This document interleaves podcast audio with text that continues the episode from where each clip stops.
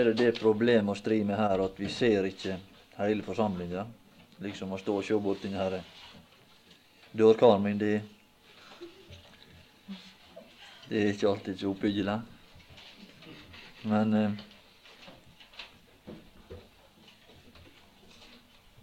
vi får gjøre det beste ut av det.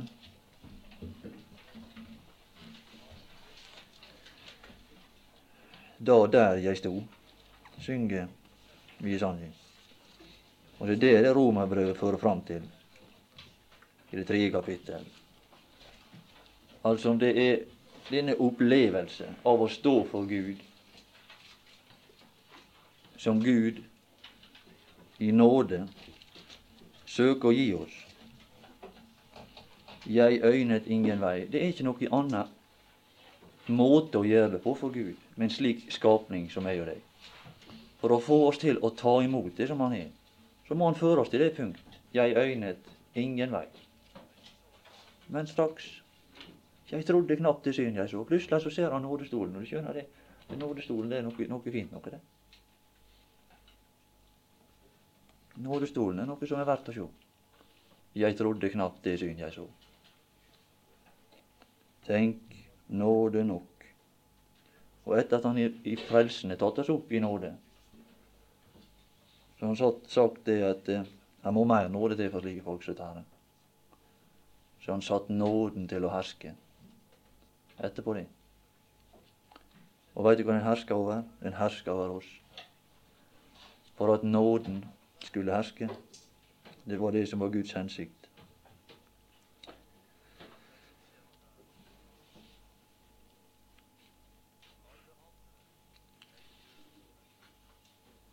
I Romerbrevet står det at lovens gjerninger er skrevet i deres hjerter.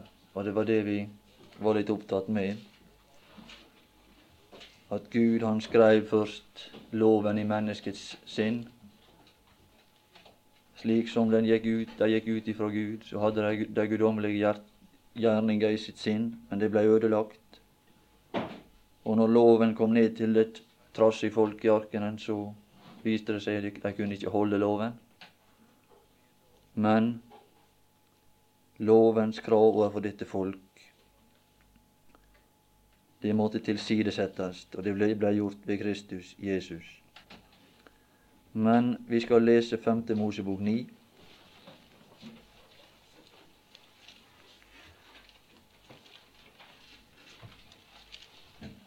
Og vers 17.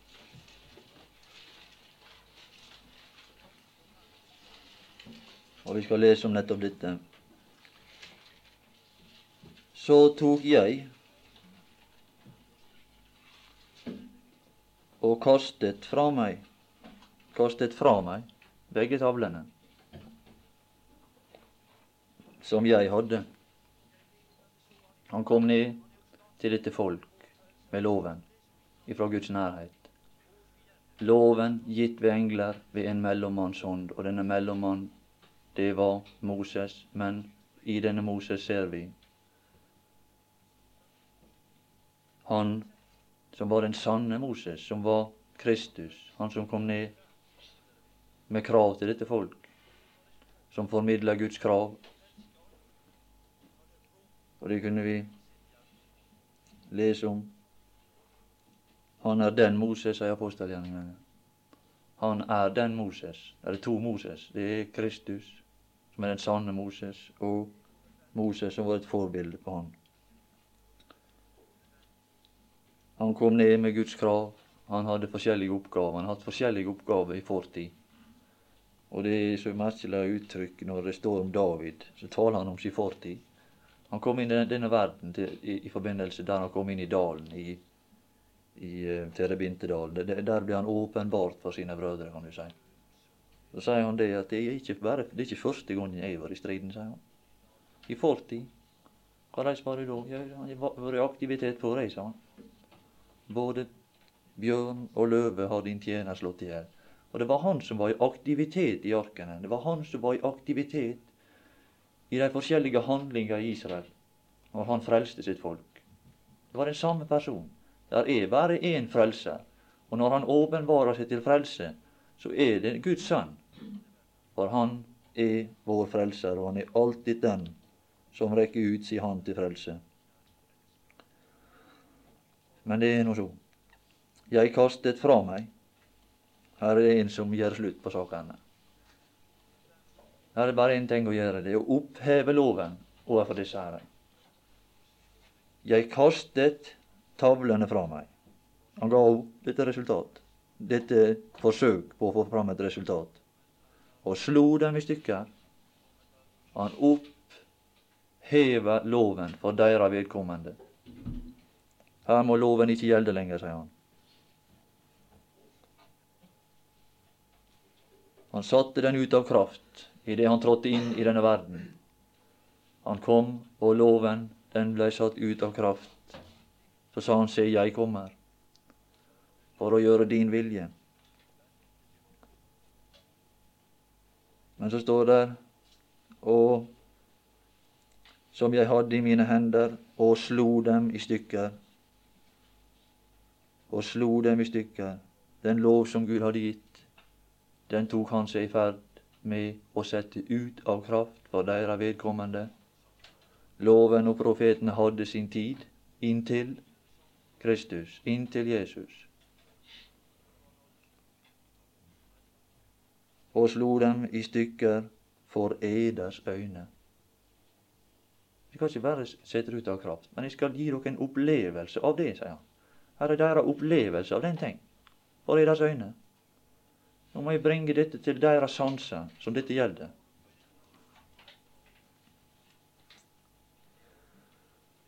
Og vi skal lese Esekiel 6 og vers 9. Vi må ha en opplevelse av dette.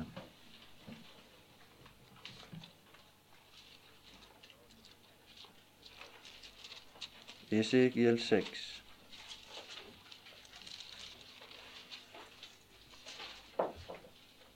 Og vers 9.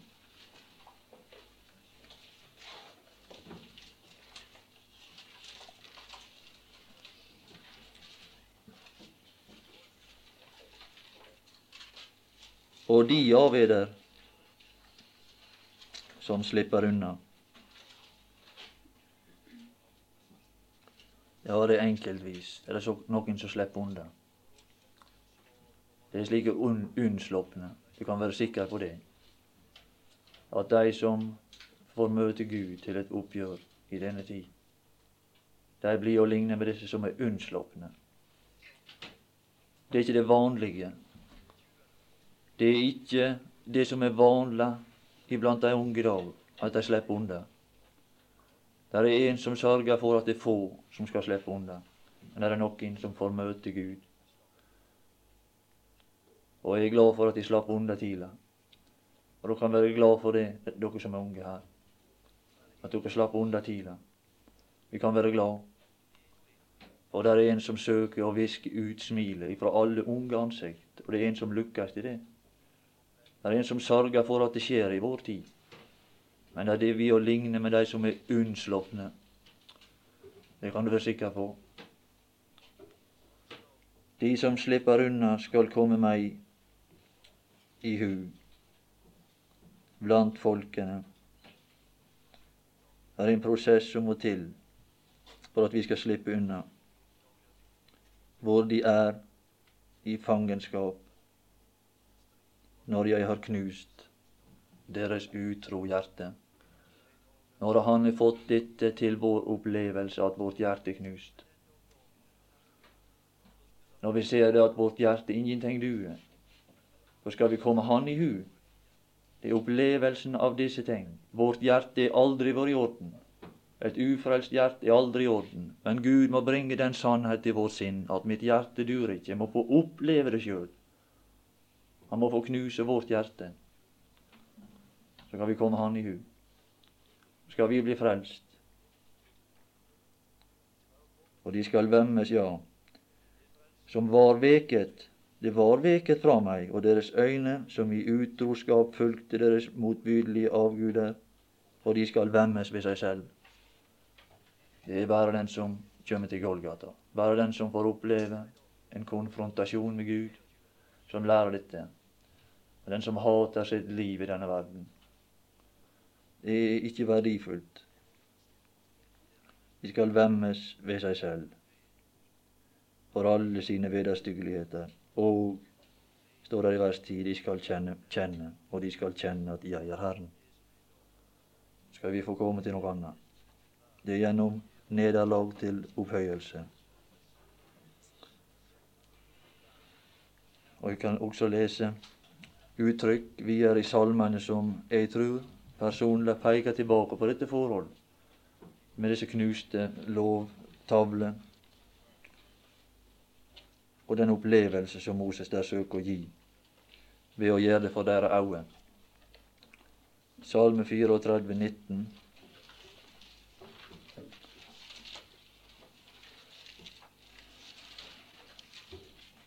Det kan være nyttig å kanskje ta det med, for når vi kommer fram på det igjen og leser en gang til, så kan vi kanskje sette det inn i en litt videre sammenheng. Herren er nær. Ja, han er nær. Han er nær alle tider. Gud er nær. Det var bare det at Jobb han sa det at det er så lite evne til å oppfatte. Han er nær alle tider, Gud. Han er overalt. Men det er bare det at han farer forbi meg, og jeg ser ham ikke men alle tider nær. Men her er snakk om opplevelse av Guds nærhet. Og vi skal oppleve den Gud som er nær. Herren er nær hos dem som har et sønderbrutt hjerte. Det var nær. Da er han nær. Og han er svært nær i romerbrevet, og de blir rettferdiggjort. De blir rettferdiggjort. Et sønderbrutt hjerte vil du, Gud, ikke forlate. De som har sønder, et sønderbrutt hjerte, og han frelser dem som har. Det er bare de som er seg bevisst. Her er det snakk om å være bevisst dette forhold. De som har et sønderknust, en sønderknust ånd. Når det går i stykker for oss, så får vi det lekt hos Gud. Og vi kunne også lese Ja, det går mye ut på det samme. I Salme 51 vers 19. Det er mye godt samme ord. Du kan bare skrive og funne det der hvis du Ja, det står forresten skrevet opp om dette verset, ser jeg her. 51, 19.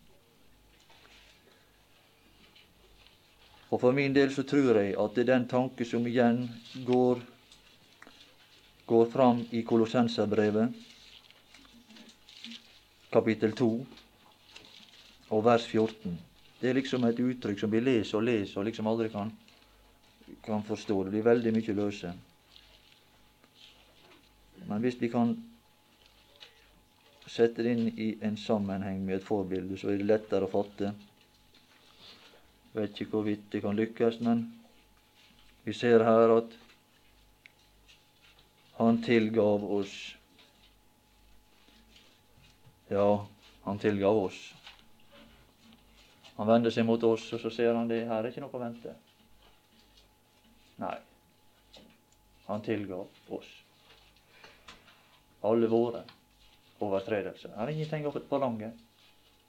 Skal jeg vente her, så får jeg vente med at dette skal bli heilt og legt og i orden. Da vil vi søke dette fengselet som det sto stenda i, til du har betalt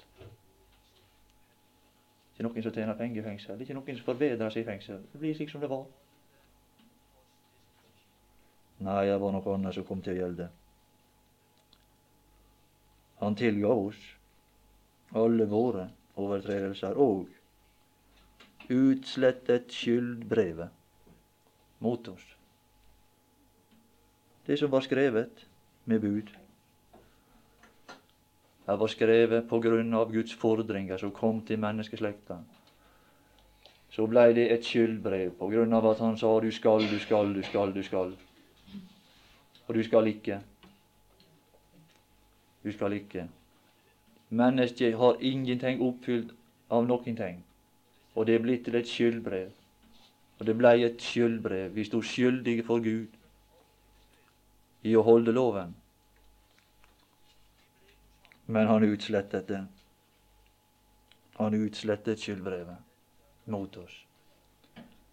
Han oppfylte loven. Og så sa han det Nå er jeg oppfylt loven. Og som den som oppfylte loven, så var han den som kunne ha liv på grunn av at han gjorde det, det mennesker som gjør disse ting. Han skal leve ved dem. Han var den e, eneste mennesket fra sol, fra tidens morgen til tidens kveld, som på grunn av at han gjorde disse ting, hadde kraft og evne til å leve av det. Det mennesket som gjør disse ting, skal leve ved det. Men så sa han det. Nå er jeg gitt rett til en ny slekt å eksistere på grunn av gjerning. Men, sa han, nå er jeg kommet til Golgata, og så ser jeg tilbake. Denne slekt som er gitt eksistensgrunnlag på grunn av et rettferdig liv, den er forbrutt seg i forhold til, til loven og skaffa seg ei veldig gjeld. Ja vel, nå dør eg for denne slekt, for å bringe denne gjerning og den onde gjerning og skyldbrevet bort ifra denne slekt, så denne slekt blir gjeldfri i forholdet til Gud. Han utslettet skyldbrevet mot oss, som var skrevet med bud. Det som gikk oss imot, det tok han bort idet han naglet det til korset. Og der på Golgata, der han hang imellom himmel og jord, der fikk han straffa for det som vi hadde forbrutt. For at han var den som ble en forbannelse for oss. Lovens forbannelse kom til å ramme han. Det kom den til å gjøre. Og dermed er det betalt. Det er kvitta for den sak. Og så eier vi liv på grunn av oppfyllelse. Hans liv var en oppfyllelse av alt. Og det skaper oss rett til å leve på grunn av at han har oppfylt denne lov. Det mennesket som gjør disse ting, skal leve ved dem. Han er den eneste.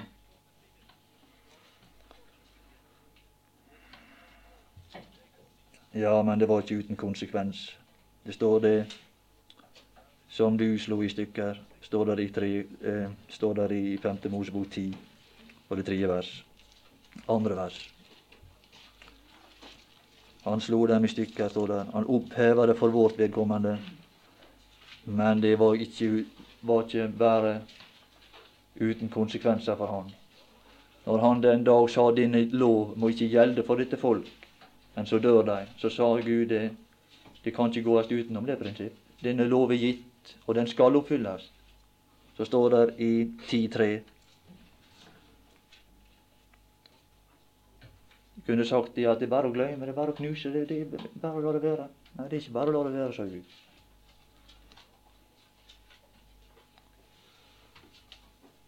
Det står der i det andre vers, det som sto på de første tavler, de som du slo i stykker. Der blir han ansvarlig. Du har slått deg i stykker, hva vil du gjøre? Hva vil du gjøre nå? Du har opphevet denne lov for dette folks vedkommende. Hva vil du gjøre? Du er ansvarlig for å bringe det i orden igjen. Og slik er Guds sønn. Han står der med ansvaret overfor Gud til å rette det opp igjen. Min sønn vil du den bære. Det var ikke bare én ting. Det var ikke bare straffa på Golgata. Det var alt i forbindelse med det vi hadde forbrutt. Alt det vi hadde feila, det måtte han gjenopprette. Og han fikk ikke begynne med alle de naturlige tilskyndelser rundt seg. Han fikk ikke begynne i en hage der alt var såre vel. Han kom inn i denne verden, og det var ingenting som tilskynda han til å hjelpe oss. Straks han møtte slekta, så oppdaga han fort hva det var som var på deres lepe. Ormegift er under deres lever. Deres munn er full av forbannelse og bitterhet. Og det var det han møtte når han kom inn under våre forhold. Og det var ingen som svarte da jeg ropte. Det var ingen som kom og tok imot han. De ga han alt det dårligste. Og det var ingen som spurte. Er min arm for kort til å frelse? Er det ingen kraft hos meg, sier han. Han roper ut i sin fortvilelse, men det er ikke svar. Og det var bare på grunn av de kvaliteter han hadde i sin person, at han makta å føre det hele fram til en lykkelig ende. Det er bare derfor at det kan være noen samla her om hans person, og takke han, og være prega av den harmoni som han har gitt oss. Men en smertenes vei det var, det kan du lite på.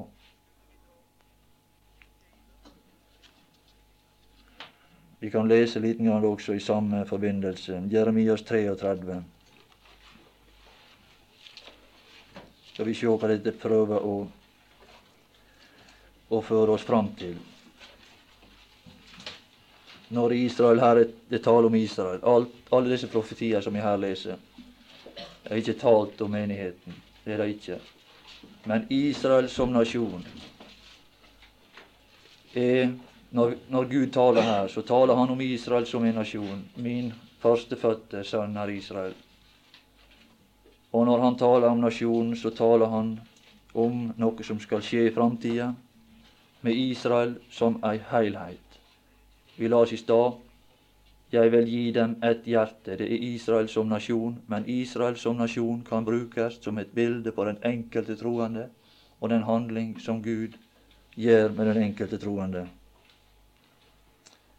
Det finner vi også i hebreerbrevet brukt på den måten.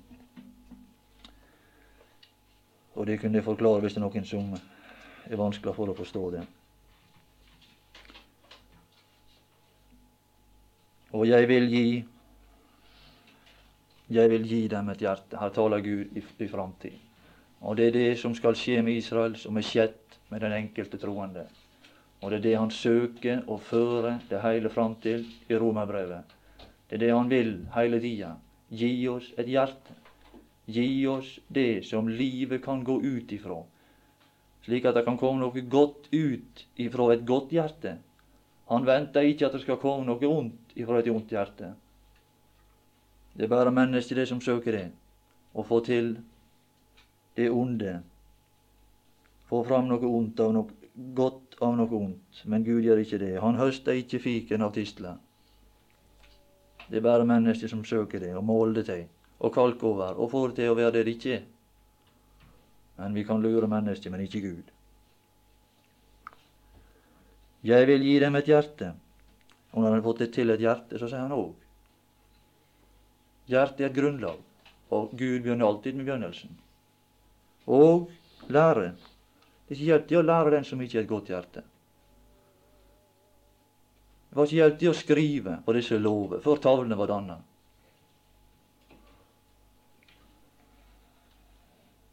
og lære dem en vei til å frykte meg. Da nytter det, når vi får disse ting, når vi får et godt hjerte. Det er det det hele fører fram til. Alle dager så det må gå dem vel. Det er det som er hensikten. Han ville så gjerne at det skulle gå oss vel. Og du kan være sikker på hvis Gud lærer oss noe, bare for å dele litt kanskje utenom det som ellers gjelder her, men hvis at han prøver å skrive noe på vårt hjerte, hvis han prøver å få noe inn her, vet du hva det er for? for at det må gå deg vel. Ja, det var det han sa til Israel også, for at det må gå vel. Men så sa de nei, vi vil ikke. Ja, så gikk det galt. Vi, det, vi vil ikke det som du vil. Vi nekta å la det gå oss vel.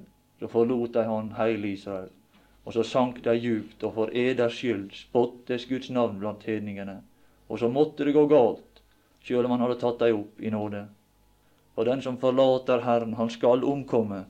Det er det som gjelder. Sjøl etter at vi er frelst, så kan det gå oss galt. Ikke at vi kan miste frelsa, men vårt liv kan tape fullstendig samklangen og harmonien med himmelen. Og det må gå oss ille i livet, sjøl om Han frelser oss ved slutten av vårt liv og tar oss hjem. Så det må gå dei vel, dem og deres barn efter dem, men det begynner med hjertet. Men det begynner enda før. Først er Gud møye om å ta bort vårt gamle hjerte og gi oss et nytt hjerte. Og gi oss et hjerte som frykter Gud.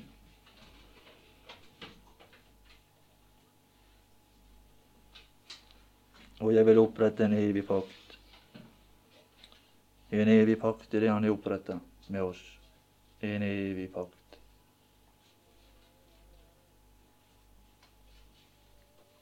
At jeg ikke vil dra meg tilbake, det kan du lite på. Det jeg sier her. Han vil ikke dra seg tilbake. Han er frelst oss en gang for alltid, og hans frelse den varer ved. Jeg vil ikke dra meg tilbake fra dem, men vi kan dra oss tilbake ifra Han og leve vårt liv bort ifra Han. Men han vil ikke dra seg tilbake. Gud la det stå fast, at Gud er trofast. Han kan ikke fornekte seg selv. Men så kommer vår side dersom vi dersom vi lider med ham, dersom vi er trofast i forhold til ham og går inn i samfunnet med ham som vil gi oss lidelse også.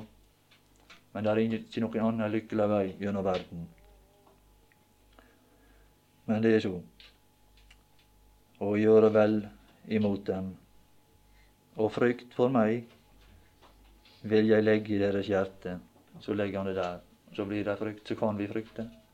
Men det kunne vi ikke med det gamle hjertet, for det ville ikke frykte Gud. Jeg vil legge deres i deres hjerte, så de ikke skal gå bort ifra meg. Det er det som er Vi får ha lyst til de guddommelige ting. Vi får ha lyst til å dra nær. Og jeg det kjem det som er det enda det fineste, og jeg vil glede meg over dem. Det er noe som har forundra meg.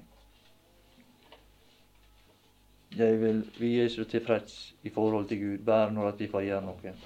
Men det står ikke noe om å gjøre her. Her står bare at 'jeg vil glede meg over det'. står det. Bare på grunn av de egenskaper som han legger ned i oss. Så er han glad. Og når han ser en av oss, så sier han det. Ja, dette, han er til glede for meg. Denne personen er jeg glad i. Og jeg gleder meg over denne personen.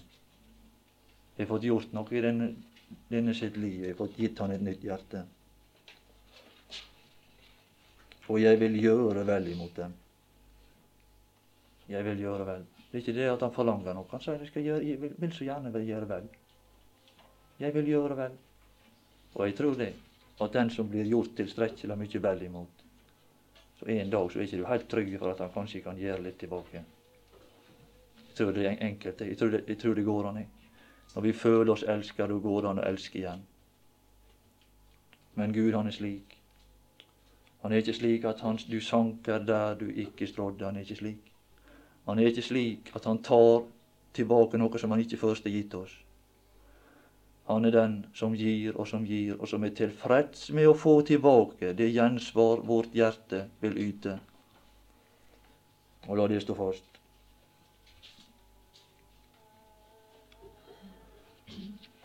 Ja, vi skal fortsette litt her.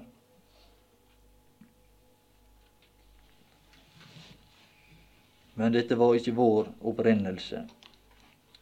Det var ikke det som var først. Det første, det var mislykka. Og det andre, det var som selvfølgelig Det var vellykka. Det er klart. I forbindelse med den Herre Jesus. disse to tavlene ble, ble laga av, av Kristus. Det var hans hjerte som han i, på Kan du si tok på seg, eller det legeme som han hadde og tok på seg, det hadde dette innhold, det hadde hjert, dette hjertet, dette menneskelige hjertet. Et menneskehjerte uten defekter.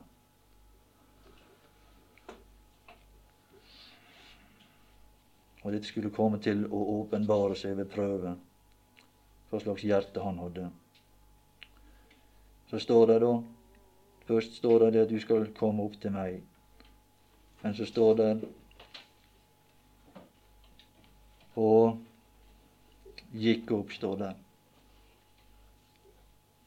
Jeg gikk opp etter at han hadde gjort disse, dette legemet og disse, dine, disse tavler som er et bilde på et godt hjerte. Han hadde fått i stand et godt hjerte. Så sa han, så gikk jeg opp. Ja, du har vel sett han. Du har sett dette mennesket. Hvordan er dette mennesket? Som er slik. Da han ikke, han ikke før kom inn i denne verden, så vender han seg tilbake og så sier han det. Nei, jeg må tilbake der som jeg kommer ifra. Så gikk han opp. Det er det som særpreger han. Han søkte kontakten tilbake til der han kom ifra. Han gikk tilbake. Og det var bare det at han elsket oss, som gjorde at han var her. Det var bare det at vi hadde behov. Og straks han hadde anledning, så gikk han tilbake. Han søkte tilbake til Gud. Det var der som var mest trivelig å være. Ja, det er reaksjon. Det er en guddommelig reaksjon. Og Vi kan lese Johannes 14 og vers 6. Det kommer mye inn på det som vi la oss i formiddag, disse to uttrykk fra Johannes evangeliet, men bare for å understreke det kan være godt å og får et vekselvirkning mellom Det nye og Det gamle testamentet her.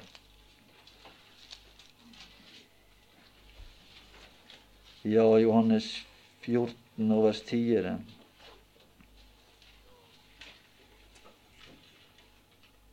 Så vil han tale litt om det forhold. Hva, hva jeg er, sier han. Jeg er Når han var på jord, så var ikke han bare på jord. Tror du ikke at jeg er? Jeg er ikke var. Jeg er i Faderen. Han var på jord, så vendte han tilbake, og han gikk opp. Jeg er i Faderen, sa han og Faderen i meg. De ord som jeg sier til eder, taler jeg ikke av meg selv, men Faderen som blir i meg. Der er på en måte geografisk avstand, men der er ikke avstand. Der er forbindelse allikevel. Det er det som dette, disse uttrykk prøver å, å gi oss. Faderen som blir i meg, han gjør sine gjerninger. Og det skjer ved kontakt med det guddommelige. Så gjorde han sine gjerninger.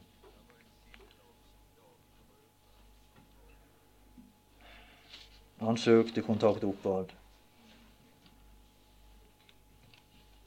Og her ligger hemmeligheta skjult til de to vidt forskjellige resultat som vi ser i forbindelse med den første uttrykk Første gang Gud uttrykte sin vilje til dette folk, så var det i avstand. Den kontakt og forbindelse,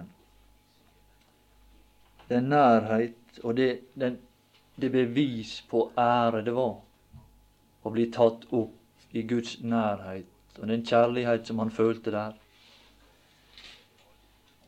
Det ga han den kraft som han trong til å gå ned og til å fullbyrde det verk som han gjorde her nede.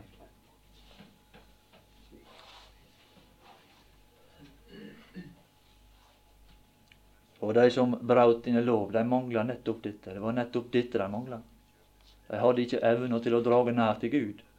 Derfor hadde de heller ikke kraft til å svare på de guddommelige fordringer. Og vi skal lese Andre Mosebok 24, 1-2.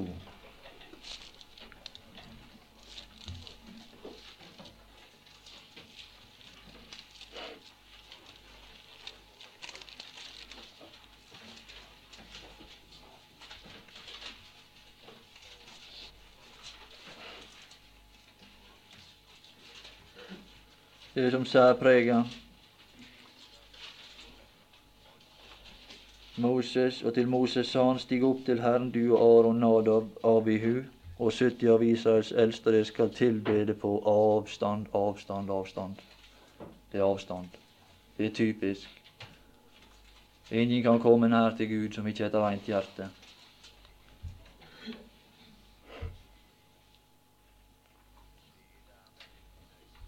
Men Moses alene. Du ser vel han? Du ser vel Kristus i denne personen? ser vel han er alene. Moses alene skal komme nær til Herren.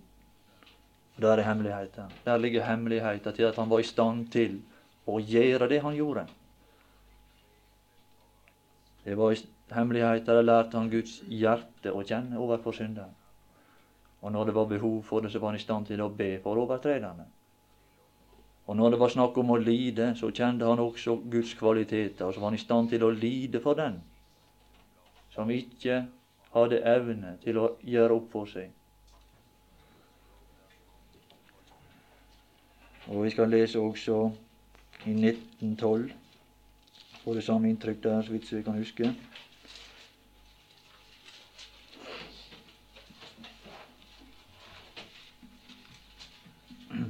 1912, andre Mosebok.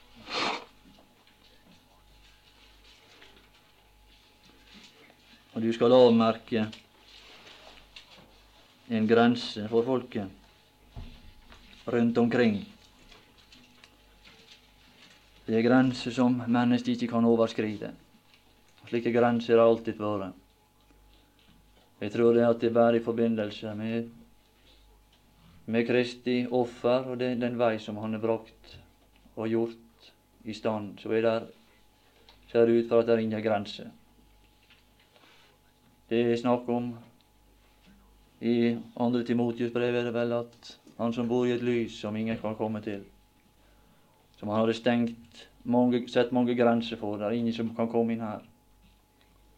Og jeg veit ikke hvorvidt hvor hvor langt inn vi kan komme og overskride disse grenser, men jeg tror iallfall det at Kristi offer har brakt oss veldig nær til Gud, til dette lys. Men her er også ei grense. Grense for folket. Som hindrer deg i å drage nær rundt omkring og, og si vokt det der, for å stige opp på fjellet, eller røre ved dets fot. Enhver som rører ved dets fot, skal visselig Rører fjellet skal visselig late livet. Det var det som gjaldt for deg. Men det gjaldt ikke for Moses. Og derfor er han enestående. Og derfor er han et bilde på Guds sønn. Og derfor er han evne ved denne nærhet til å kunne komme oss til hjelp.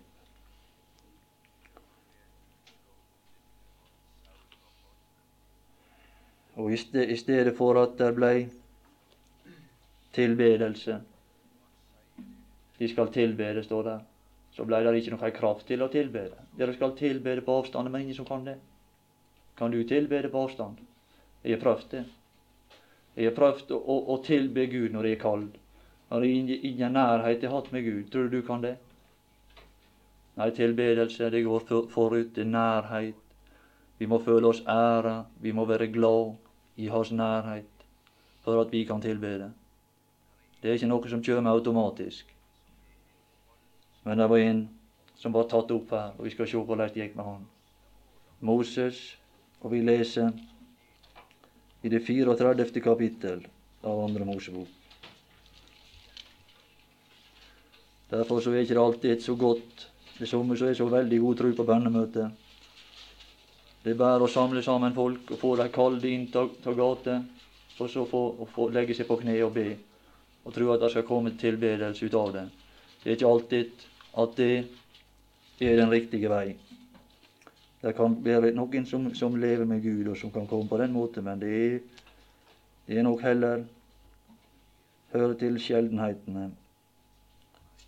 Det er bedre å få høre først litt om de himmelske ting. Vi får lytte til hva de, de ting som Gud har beredt for dem som elsker Ham. Andre Mosebok 34 og 8.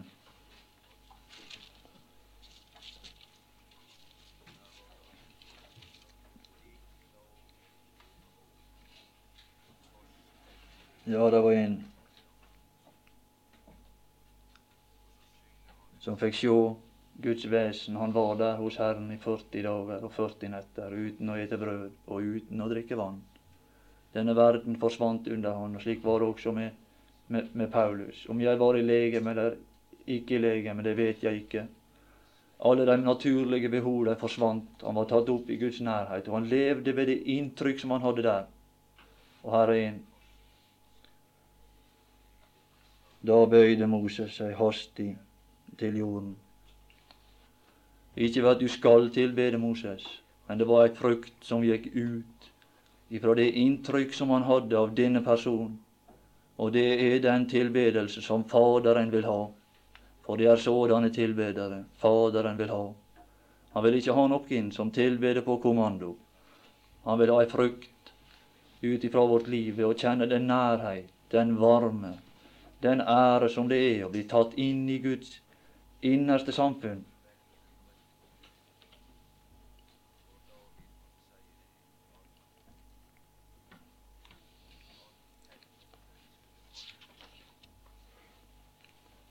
Moses han er et bilde på et menneske, og det mennesket som i adgang til Gud. og som kan innta fullkomment den himmelske verden, og som kan uttrykke seg i fullkommenhet i den materielle verden, eller her som vi befinner oss.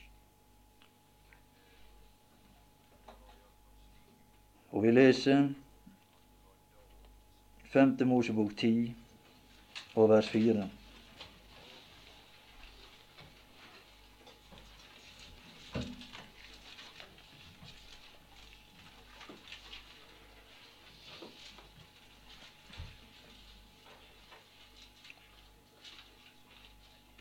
er det riktig rekkefølge. Først et legeme, så et godt innhold med forutsetninger i dette legemet, og så Guds inntrykk på dette legemet. Nå har han evner til å ta inn det, det som er Guds vesen. Og han skrev, står det, på tavlene. Det samme som var skrevet første gang her er det samme opp igjen. Vi kan ikke slå av Moses. Det lot være slik som det var. Lovens krav må oppfylles. Men det var ikke farlig. Her var det ikke noe problem. Her møtte, kom han ikke til steinhjertet. Her kom han til et hjerte som var vel skikka til at det ble skrevet på det. Det var ingen motstand. Og det skulle vise seg her at selv om det tilsynelatende var sam, det samme hjertet. Det var et menneskehjerte. Både de hadde, og han hadde. Men det var ikke defekt i det. Og det står det at som var løs i formiddag, og skal bare, kan bare sitere det, Salme 49. Å gjøre din lov, min Gud. Din lov, et uttrykk for loven. Det er min lyst. Det er min lyst. Gjøre din vilje, min Gud, står det først, ja, er min lyst, og din lov. Din lov, den er i mitt hjerte. Den er i mitt hjerte. Så stemte det så godt. Så ble det oppfyllelse av disse ting. Så det var ikke noe trøbbel med det. Nei, det gikk så fint. Det gikk så fint. Han slapp å ta seg sammen. Og han er den eneste som er svar til den formaning som står i ordspråket. som står i ordspråket her i eh, det sjuende kapittel. Var det vel?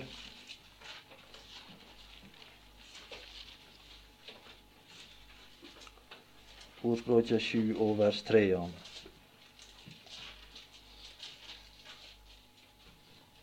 Det står i vers 1 at 'min sønn' er det Sønnen. Og når vi hører dette det første vi hører når en far snakker. Og slik er det også med Faderen. Så er det alltid dette uttrykk som gir oss et inntrykk av at vi betyr noe. Min, min, min. Det er det første vi hører i forbindelse med far. Det er det første. Han sier 'min'. Da er vi knytta til han. Og ut ifra dette forhold, at vi føler oss nær, vi føler oss elska, vi føler at vi betyr noe, så kan han tilskynde oss til det. Og Slik var det også for sønnen. Han er prototyp og modell, som det var sagt, og en, en skikkelig sønn. En god sønn. En sønn som gjør sin far ære. Gjem dine bud, mine bud hos deg, bevar mine